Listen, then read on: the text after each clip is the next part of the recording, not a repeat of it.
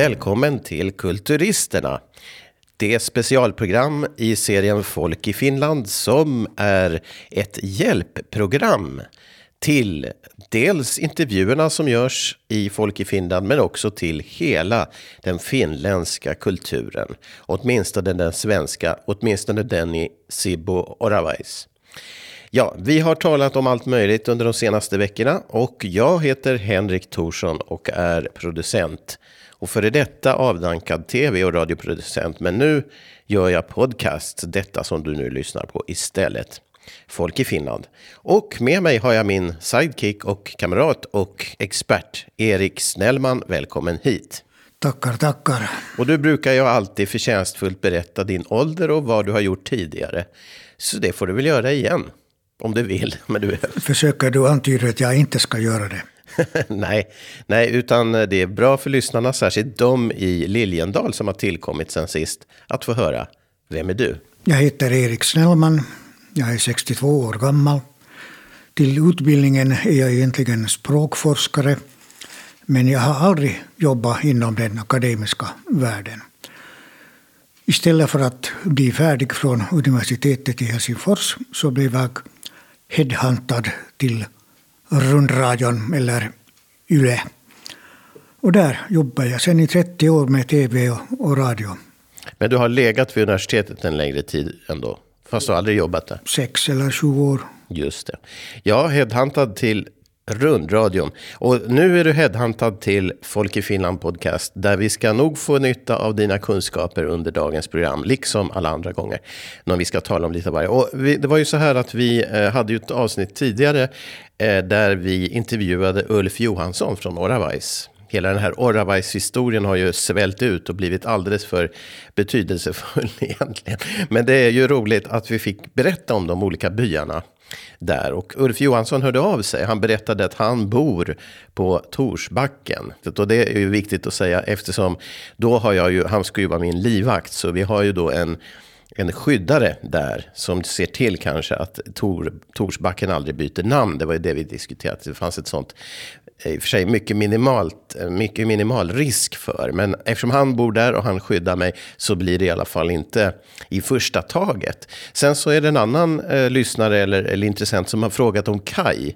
Vad är Kai för någonting? Och det är ju såklart att alla i Finland vet ju det. Men kanske man också vet det i Sverige. För att det här programmet Strömsö går ju av och till i Sverige. Och där har de upp, nämligen medverkat.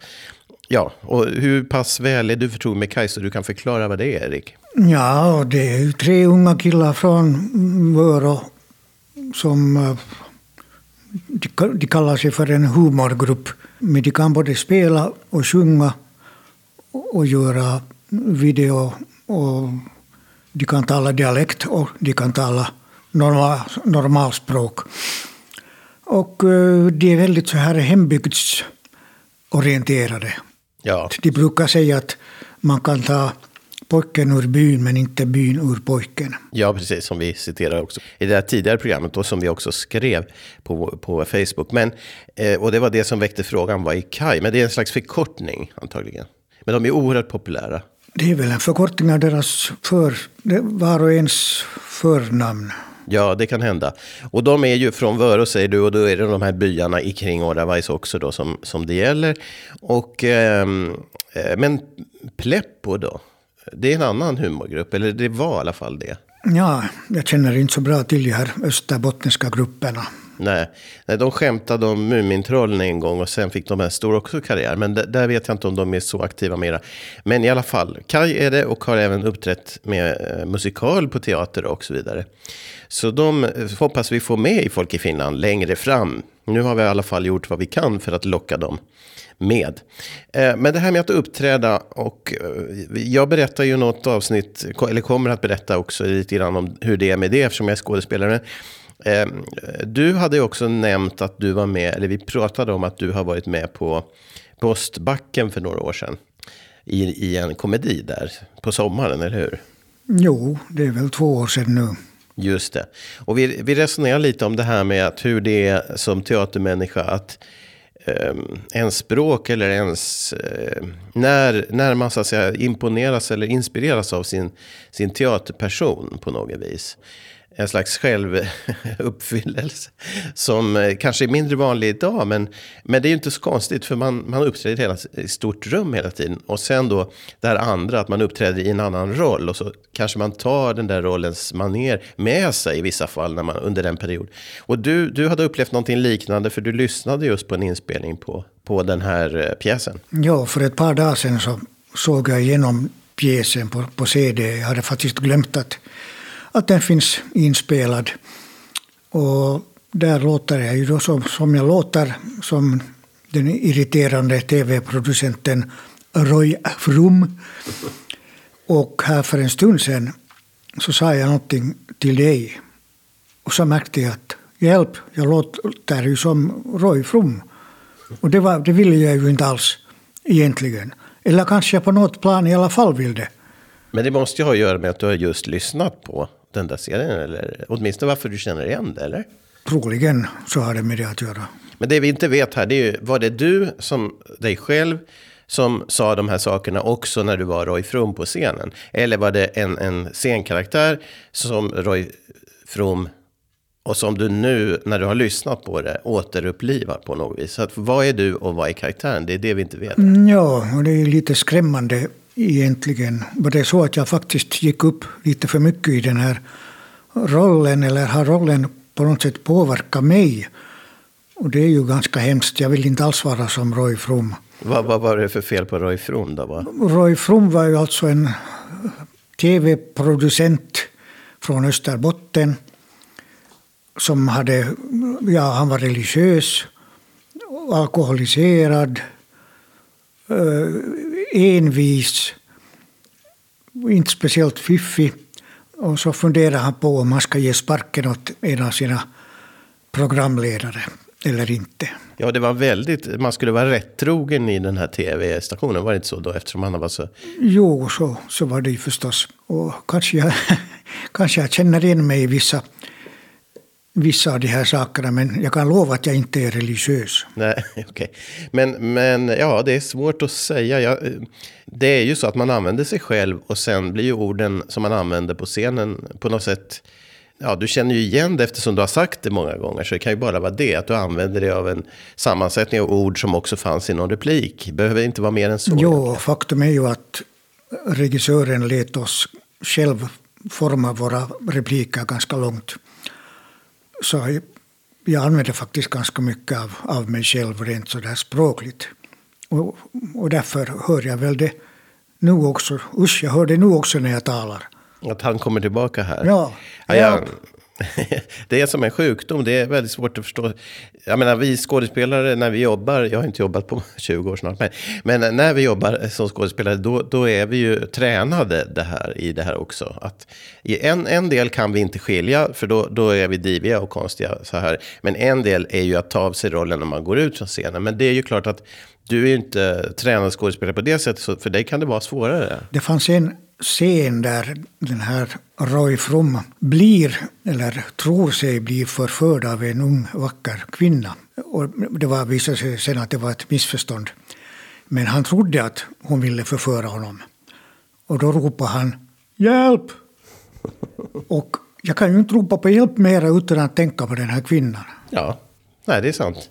Och det, ja, det, så skulle det inte vara om du bara hade ropat hjälp på stan en dag. Liksom, och sen alltid efter det kommer du ihåg det. Det måste vara mycket speciellt. Och du har ju ropat hjälp på det sättet under repetitionerna kanske. Och föreställningar, hur många var det? 10-12 stycken? 12 stycken och kanske lika många repetitioner före det.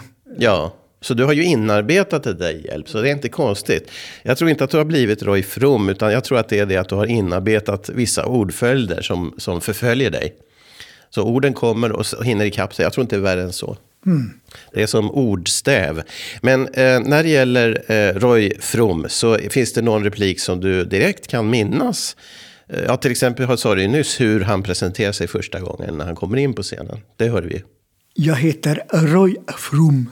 Ja, och det österbottniska i det? Var... Nå, jag är ju inte österbottning så jag, jag fick väl nog in på något ställe lite österbottniska. När jag ser en, en sån här träningscykel så ser jag, vad är för ett grejspel? Eh, men ja, du är ju från, din släkt är ju från Rundsår, gamla Vasa, så jag vet inte hur vi säger det här med Österbotten, men du har inte själv vuxit upp i Österbotten. Men du känner ju väl till dialekten, men, men, men inte använder Jo, alltså min pappa är från de där trakterna, men eh, han talade inte dialekt. Hans föräldrar var folkskollärare och de talade inte heller dialekt. Nej, precis, det har vi ju. Man fick inte ens tala dialekt. Så var det ju. Och det har vi faktiskt pratat om tidigare i ett annat avsnitt. Ja, det, vem är jag och vem är du? Det är svårt att veta. Det är levande charader det här som vi håller på med. Och det är här i Finland. Vi sitter förresten tillsammans, eh, som vi ibland gör, i Kronohagen mitt i Helsingfors. Eller ja, någonstans i Helsingfors centrum. Och nu ska vi gå vidare till ett annat stort evenemang, nämligen det som eh, är lite tema för dagen och det är Bokmässan i Helsingfors. Du kan hitta intervjuer med en rad författare, närmare 25 stycken, när de väl är klara, uppe på totalmedia.com, men då är det under fliken Folk i Finland och sen Folk i Finland Extra så ligger de var och en där på totalmedia.com, total med th, så under fliken Folk i Finland finns Folk i Finland Extra. Och där har du alltså en rad intervjuer med författare från Bokmässan 2019 i Helsingfors. Ja, och vi börjar väl från början. Ordet bok, Erik, vad har, du, har du någonting att säga om det? Du som har att säga om det mesta. Det är ju inte någonting konstigt med med ordet bok. Det finns ju i alla germanska språk. Bok på engelska, bok på, på tyska, bo på danska. Det är ju egentligen så alltså att man i något skede för kanske tusen år sedan eller 1500 år sedan använde man sig av bitar, alltså bitar av bokträd. Och varför just bokträd så var väl det för att det fanns så mycket bok och för att det är relativt lätt att bearbeta. Och det här bokträdet och dess ådror är ju det som är orsaken till att, att de här runorna som man ristade både i sten och, och, och, i trä, att de var kantiga. För att man måste ju på något sätt rista mot de här ådrorna. Annars såg man inte vad som var ristat. Och också då när man hackar in dem i sten så använder man sig av samma kantiga form. Det fanns visserligen flera olika runalfabet, hela sex stycken. Och de, en del av dem var lite mindre kantiga. Men, men det här är i alla fall förklaringen. Och eftersom de här träbitarna var av bokträ så började man att kalla dem för bokar, småningom böcker, omljudsform. Och eh, det är ju egentligen lite skojigt att det finns samma fenomen mellan not och nötter. Och nu talar jag om när jag var amatörmusiker på 70 och 80-talet och vi läste noter, eller försökte åtminstone läsa noter. Så vi kallade dem aldrig för, för noter, och vi kallade dem för nötter. Det var då ett slags humor. Och småningom så var det ju ingen som kom ihåg mer att det heter not så att det blev nötter och, och nöt.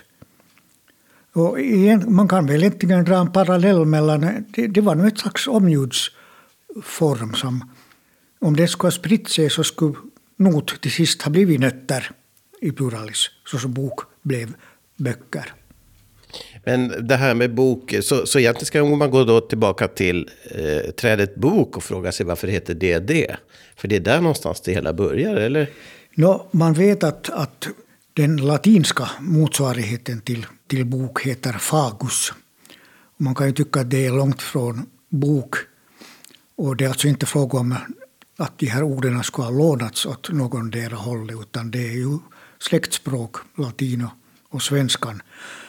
Och fagus låter som sagt ganska mycket annorlunda, men å andra sidan så första bokstaven första språkljudet där i alla fall. De är båda två labialer, alltså läppljud. Och, så, K och G är ju nästan samma sak. Och på grekiska heter det fegos. Jag tror att etymologin till, till de här orden är någonting med ätbarhet. Det har funnits tydligen frukter som man har kunnat äta, om inte på bokträdet så på någon släkting till det eller så har man helt enkelt blandat ihop de här trädslagen. Det är möjligt att grekerna menar kastanjeträdet i själva verket. Fast ordet så att säga är detsamma, eller nästan detsamma. Just det, så frukterna på ett visst träd, kanske kastanjerna, gav namnet till trädet eh, som då omvandlades till bok i våra språk, så att säga. Bok eller bok. Kan man säga att det omvandlades från det där eh, grekiska och latinska, eller? Nej, den, den omvandlingen har ju nog sett alltså tidigare, medan alltså vi måste gå tillbaka i, i, i tiden då när de här, alla de här språken som vi nämnde, när de var, stod närmare varandra eller rent av var samma språk. Men då var det ett, kanske ett träd då som hade vissa frukter. Då. Och sen då så har man kanske blandat ihop det så att det träd som sen blev bok har ju inte frukter. Utan, men däremot börjar man använda det till eh, tankens frukter istället. Och då var det böcker och då blev det liksom bok och böcker naturligt. No, jo, jag tror att det där är en ganska sentida tolkning. Det här med att tankens frukt men runor först var det ju egentligen. Som man använde boken till. Alltså, rista runor i trädet. Jo, visst, visst. Mm. Jag menar, det kanske inte var så vis Det var faktiskt inga vidare tankar det där. Runorna innehöll mest att någon har åkt dit. Men faktum är att vi har väl inte, det finns väl inte bevarat heller så värst, eller om det ens finns någon träinristning med runor. Ja, någonstans finns förstås, men. Det finns några få, men de, de flesta har försvunnit. Sen kan det ju hända att man ristar in dem också på runorna på pergament eller skinn eller någonting annat som också har försvunnit. Mm. Eller förstörts på något sätt. Det vet vi inte riktigt. Men det är ju nog så att det är nästan bara de som, ristningarna som finns gjorda i sten som, som finns kvar. Ja. Men det är då igen tusentals. Bara i, i Norden och, och norra Tyskland. Ja, det är ju skrivet i sten i ett uttryck också som vi förstår nu. Många år efteråt förstår vi vad det innebär att skriva i sten, för det bevaras helt enkelt. Så det, det har bevisats nyligen att det var så bra. Jag har skrivit i sten en gång. Ja, så var då? Och nu talar jag inte om gravstenar, för dem har jag inte gjort själv, utan nej. det är andra som har gjort dem. Men jag har ristat in en T-runa på en sten i, i Lovisa. Okej, vet du var den finns? Ja, den finns nog kvar där fortfarande. Och det det var bara en runa och det tog nog ett par timmar att, att göra den. Vilken runa var det sa du? T, eller tyr. Vad var det stod det för i ditt, din historia? Ja, det var bara enkelt att, att göra. Men det, om några tusen år kommer det att tolkas ganska stort. Jo, jo. Kanske någonting med Tor, att de tänker, ha han var vän med Torsson kanske möjligen. T som i Torsson. Eller? eller så kommer någon att påstå att det har funnits vikingar där som har ristat in dem. Ja, de, de sentida vikingar från 2000-talet. Mm. Jag vill gärna nämna det finska ordet för bok. Och nu talar jag inte om trädslaget utan om den som man läser. Och det heter alltså kirja. Och där är liksom utgångspunkten en helt annan. Det här kirja har ursprungligen betytt märke eller utsmyckning. Och så småningom började det betyda brev eller skrift överhuvudtaget och, och småningom dagens bok. Och av det här har man då liksom fått en massa avledningar, för finskan är alltså avledningarnas språk. Det kan finnas hundratals avledningar av ett och samma ord. Så att av detta kirja så får man då kirjallisuus, som betyder litteratur, och kirjasto, som betyder bibliotek en svensk motsvarighet till den här konstruktionen skulle vara ungefär bokeri. Men det finns det ju inte. Synd tycker jag för det. Ja, men jag försöker förklara för någon som inte kan finska hur förhållandet mellan de här avledningarna. Och bokstav heter kirjain. I den finska folkdiktningen så, som då bland annat finns i Kalevala så där talas det om kirjokansi.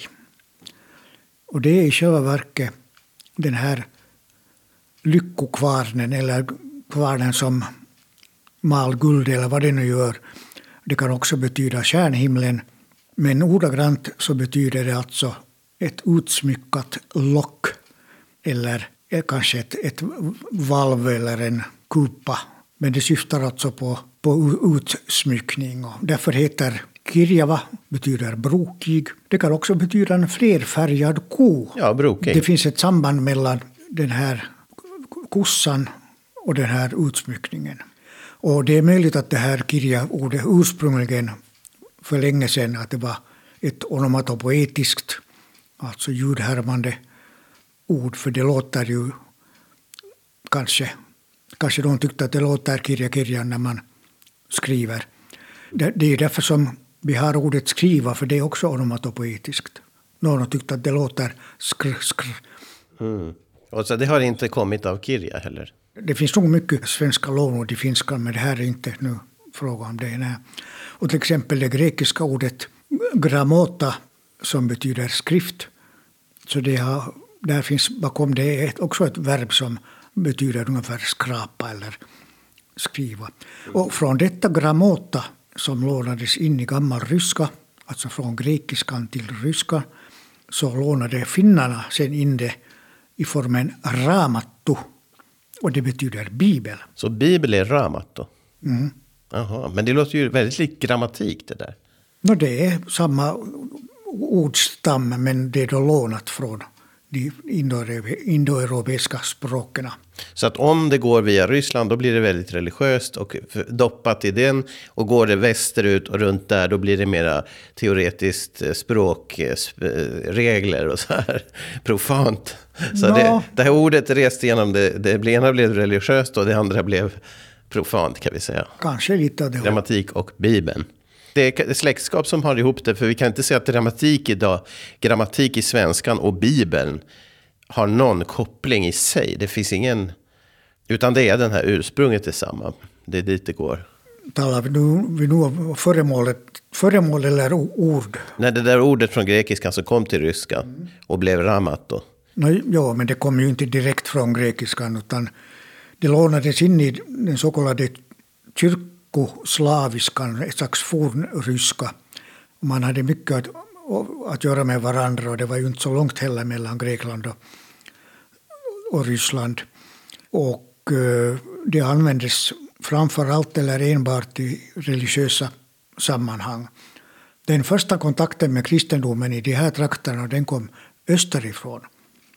Inte med några västliga missionärer utan det var ryska ortodoxa munkar och, och, och krigare kanske också som rörde sig här i, i trakten. Av dem lånade man in det här ryska ordet som ursprungligen hade varit ett grekiskt ord. Och så blev det det finska ramatto som alltså betyder bibel.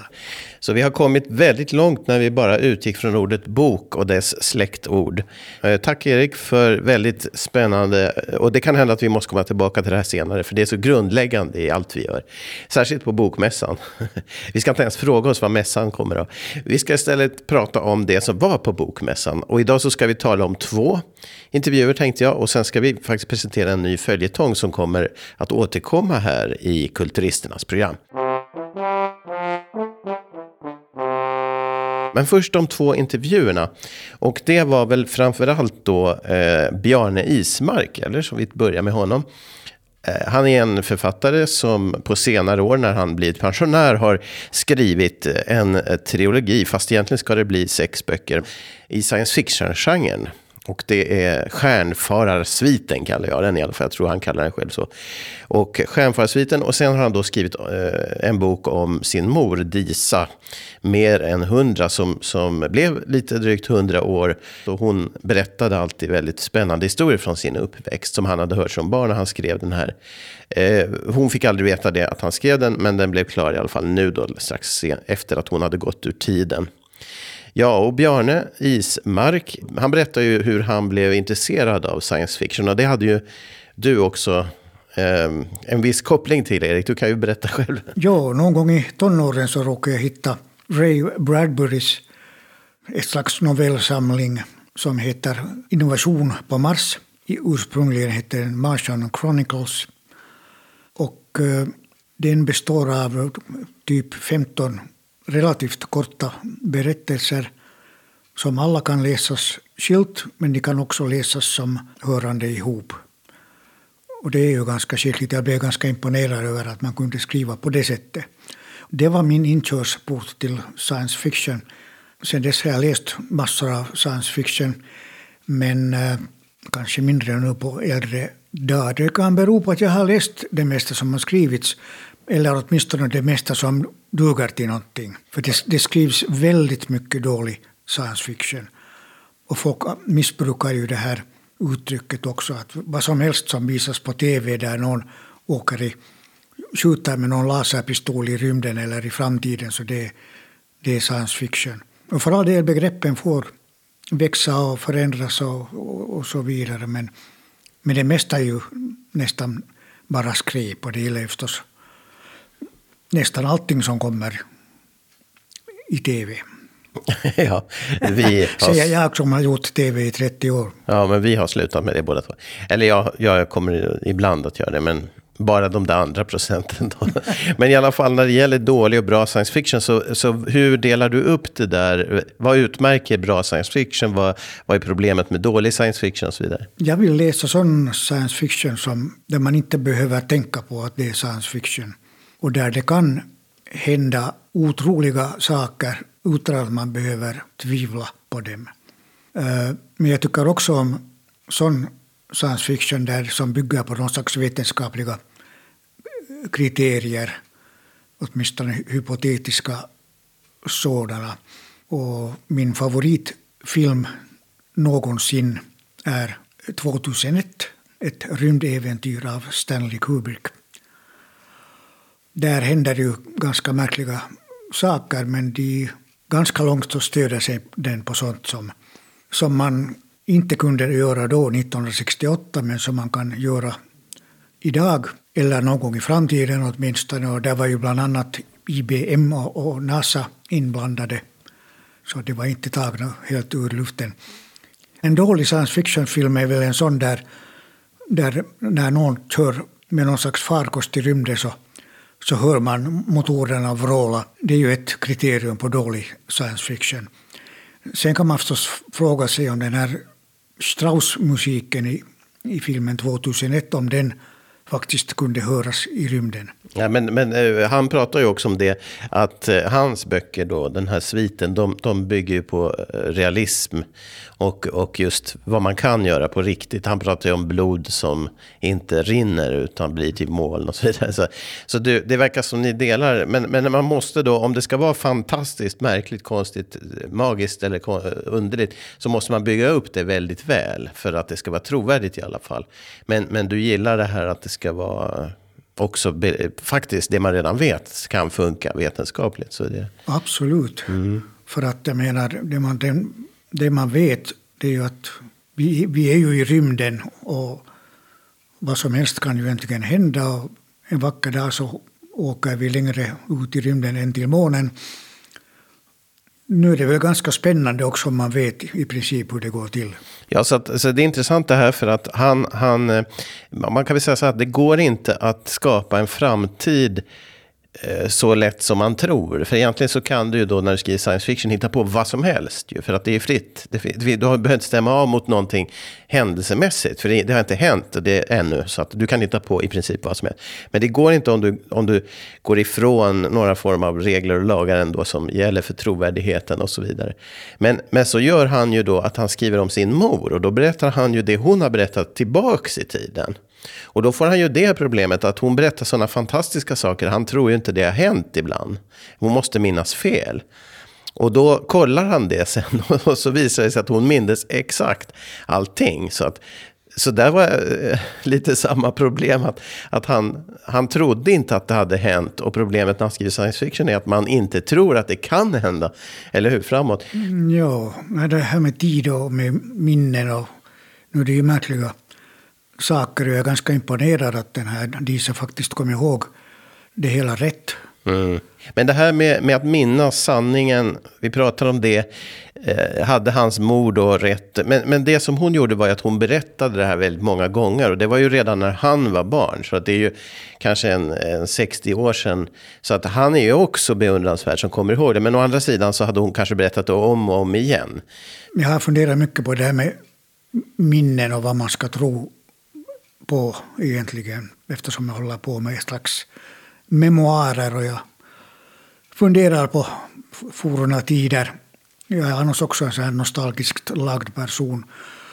Och för ganska exakt 50 år sedan så landade ju amerikanerna på månen. Och jag har ett alldeles tydligt minne av att jag satt med hela min familj på vår sommarstuga och följde med det här i direktsändning i tv. Och det var dålig bild och så här och så var det de där berömda orden som jag nu inte ska upprepa här, men det var ju jättespännande. Och jag insåg under den här minnesprocessen att vi inte fick ström till vår stuga förrän två år senare.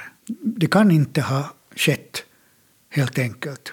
Dessutom så skedde det ju finsk tid ungefär 4.30 på morgonen eller någonting sånt. Så jag kan inte ha hört det i radio heller. Inte skulle jag ha fått vara uppe och lyssna på radio. Så det är någonting som jag hittar på efteråt. Och jag har ju förstås som alla andra sett de här filmsnuttarna från, från månen. Och så har jag konstruerat ett minne. Som att, att ni samtidigt satt och tittade på det där i Hatton. Mm. Men, men eh, ja, det, det är ju intressant för att det här minnet har du ändå haft. Det var ganska nyligen du kom på det här ju. Att det inte var så att säga sant. Men, jo, nu undrar jag ju att vilka andra minnen är, är osanna. Men, men som minne så var det sanningen för dig ända tills för några år sedan. Det var lång, lång tid, 40 år. Så har det varit sanningen. 50. Eller 50 år förstås. Har det varit sanningen. Och nu ja. plötsligt är det inte mer det. Så förut var det det och nu är det inte det. Mm. Men hur ska du hantera det i boken? Ja, det får du återkomma till när du skriver. Men det... Då, vi kanske berättar det som så att jag såg den med mina föräldrar och, och sen kommer ihåg att vi inte fick ström förrän två år senare. Ja, var det inte redan så att du hade någonting i det, så tänkt, eller har skrivit redan någonting om att det här är... Eh, eh, lita inte på vad jag säger. Vad var det? Nå, så är det ju förstås. Det är ju inte för att jag vill ljuga direkt, men vissa gamla minnen och sådana händelser och scener så kanske jag ju nog vill bättra på lite. Som, som man gör när man berättar en berättelse. Så det ska inte betraktas som en vetenskaplig avhandling, nej. Men du skriver något, någon sån instruktion också, eller kommer det göra det? Nu kommer det väl att framgå i, i förordet, om någon orkar läsa förordet. Så. Ja, det är bäst man gör det.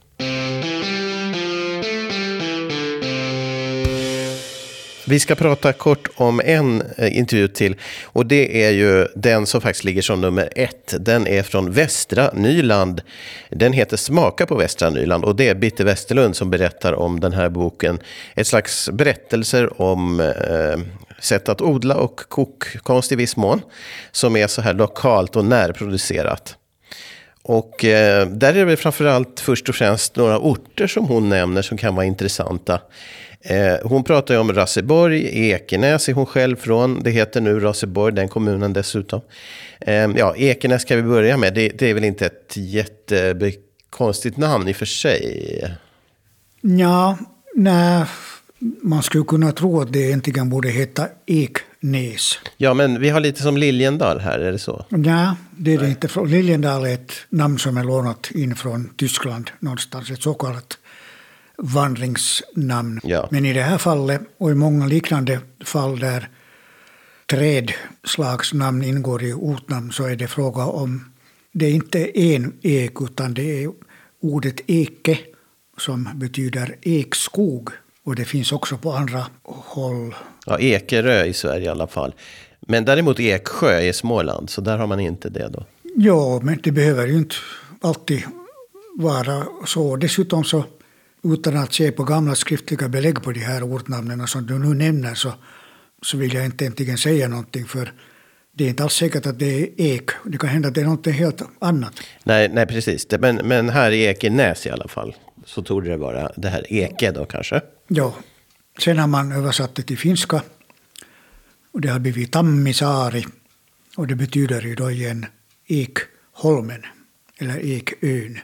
Ja, och ett näs är ju inte frigjort från vatten på det viset. Så där är det lite fel då kanske, eller? Ja, men där har väl kanske funnits ett näs.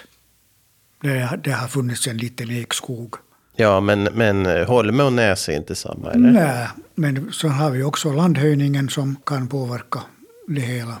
Men betyder det att det finska namnet var först? Nej, det gör det nog inte. Nej, det tror jag inte på. Alltså I allmänhet när vi har i Nylands län eller i hela Svenskfinland, när orterna har två namn, alltså ett på svenska och ett på finska, så i de flesta fall så är det svensknamnet det ursprungliga och det, det finska är då sen en översättning eller en ljudhärmande version eller någonting sånt.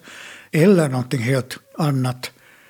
Och det finns nog exempel på motsatsen, men de är ganska sällsynta. Ja, just det. Okej, så två saker till då från eh, Bitte Westerlunds eh, samtalet med henne. Det är ju Raseborg då. Och det är ju eh, dels namnet numera på kommunen eh, Ekenäs. Och där finns ju också en ruin som kallas Raseborg. Och det, det är ju liksom huvudnumret här, den gamla fästningen som man har olika teaterspel i och sånt där. Men, men är det här, ett, det låter ju knepigare än Ekenäs, men det kanske inte är det. Ja, Raseborg-namnet har diskuterats ganska mycket och det låter inte speciellt svenskt. Och faktum är att det troligen har sin, både borgen och dess namn har troligen sina förebilder i Tyskland. Ratzenburg, någonstans i, i norra Tyskland. Och eh, när man jämför ritningarna på de här borgarna, den som finns i Ratzenburg och den som finns i, där nära Ekenäs eller Karis egentligen, så ser man stora likheter mellan dem. Och det är till och med möjligt att det var byggmästare och, och bygg, byggare som importerades från Tyskland. Och då var det väl ganska inte så konstigt inte de namnen också följde med. Och det är ju inte en jättestor borg, men den är ju välbevarad någorlunda. Och, men den är ju relativt liten. Man vet inte om Ratzenburg i Tyskland var exakt så där liten. Men man har en föreställning att borgar oftast är större i Tyskland. Men den är ju lite så här miniformat kanske på ett vis, kan man tycka, eller? Jo, nej, den här borgen i Tyskland var nog lite större, men, men, men själva grundplanen är densamma. Ja. Men sen har vi också det att den här, den här västnyländska borgen, att den är ju egentligen byggd på en stor en klippa. Just det. Som har varit omgiven av vatten, men är inte det längre på grund av landhöjningen. Och den klippan har använts till sista kvadratcentimeter, så det fanns helt enkelt inte plats att bygga en större borg. Nej, nej, precis. Det är sant. Ja. Idag är det ju gräs kring och eh, plats. Så att det, det, förstår man inte om man inte tänker efter som du gör. Och eh, där har vi dessutom där har vi gjort tv-program. Eh, Benny Törnros, Fångad av en sång, hade vi där. Sådana här allsångsprogram. Och som sagt, teater. På sommaren så är det teaterföreställningar. Väldigt uppskattade och kända där i Raseborgs slottsruin. Och eh, vi ska säga någonting om Nyland också tänkte jag. Jo, eh, kommunen heter ju Raseborg och det omfattar ju då både Ekenäs och Karis numera. Så det är de som är del av det här. Pojo också förstås antar jag. Men i alla fall, Nyland, vi måste säga någonting om Nyland. För jag vet inte om vi har sagt det förut. Det är ju också det här självklara namn kan man tycka. Men det, det är inte varje dag man tänker på det. Vadå Nyland? Ser vi ju ofta kring utanför Umeå finns Nyland. Där finns liksom utanför städer och så här också. Men här är det ju ett stort område, hela södra Finland. Ja, det är ett landskap som är ganska stort faktiskt. Och eh, det nya landet är alltså det var så man såg på saken ur svensk synvinkel. Alltså när man kom i stora skaror någon gång på 1100 eller 1200-talet från, någonstans från Mellansverige i allmänhet och slog sig ner vid den nyländska kusten. Det vill säga, den kallades ju inte Nyland. Det, det fanns inget landskap Nyland då ännu. Det fanns ganska lite, eller ställvis ingen bebyggelse på den nyländska kusten och därför var det ganska lätt att komma från Sverige och slå sig ner där och småningom bli blev det hela ju en del av Sverige. Och man lockade folk dit med skattelättnader eller skattefrihet för en viss tid. Dessutom ville kungen att svenska bönder och fiskare och, och handelsmän skulle slå, slå sig ner vid den nyländska kusten för att konkurrera med, med Reval i, i Estland. Och överhuvudtaget så var han ju rädd för allt som kom österifrån och det fanns det väl ibland orsak till också. Så det var nog ett slags, om inte kolonisering så åtminstone en kolonisation Så det nya landet, Nyland kan man... Men, Finnarna jag... tog småningom över det här namnet och översatte det till Osima som betyder exakt detsamma. Ja, Ma som vi hade uppnått tidigare avsnitt. Men hur är det här med nya landet i förhållande till Österbotten då? Och kusten där? För är det nya landet i förhållande till det också? Eller? Det här är svårt, för det här vet man inte. Men... Jo, men Österbotten har stigit ur, upp ur havet mycket senare än, än Nyland. Och där är flackare och långgrundare. Och landhöjningen är mycket snabbare där. Den är åtminstone tre gånger snabbare än i, i Nyland. Så du skulle säga att Nyland som, som, som det nya landet var före, före Österbotten? Absolut, jo, nej, det, det hände inte så mycket i Österbotten då det mesta var under vatten fortfarande. Just det. Ja. Det här vill ju inte österbottningarna alltid höra, men så här säger geologerna och språkforskarna. Nej, vi, vi ska inte resa upp dit på några veckor nu. Men i alla fall, ehm, det var fint och spännande. Och det var alltså Britte Westerlund. Lyssna på henne. Det är på totalmedia.com så hittar de under Folk i Finland-fliken, Folk i Finland Extra. Där är det första avsnittet, Smaka på Västnyland. Och det är njurtapp bland annat. Eh, den här konstiga lilla. Har du ätit det eller? No, det låter så någonting som jag aldrig skulle vilja äta. Nej, det är tydligen delikatess. Butcher steak, det låter väl bättre? Det låter blodigt, men den är inte så blodig tror jag. Men...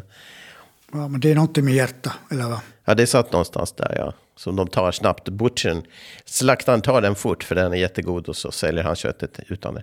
Jaha, eh, vi ska avsluta med att berätta om en följetong som vi påbörjar i nästa avsnitt. Eh, det är om 30 byar. Och förklara Erik vad, vad det handlar om så att vi får, får lite lust att lyssna nästa vecka. Okej. Okay.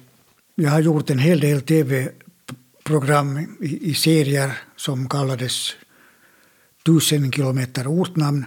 Och i något skede så tyckte mina chefer att nu får det vara nog med ortnamn. Erik, att du gör någonting annat istället.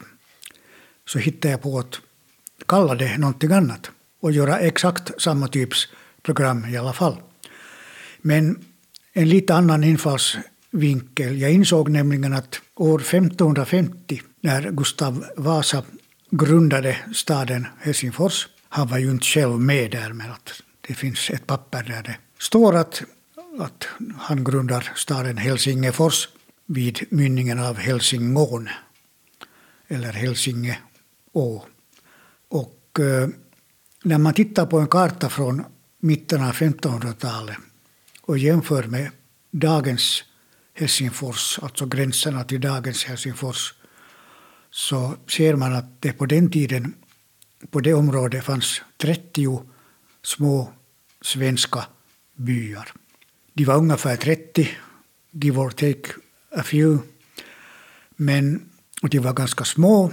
De var svenska, för de befann sig ju i Sverige och man talade mest svenska i dem och de har i allmänhet gamla svenska namn.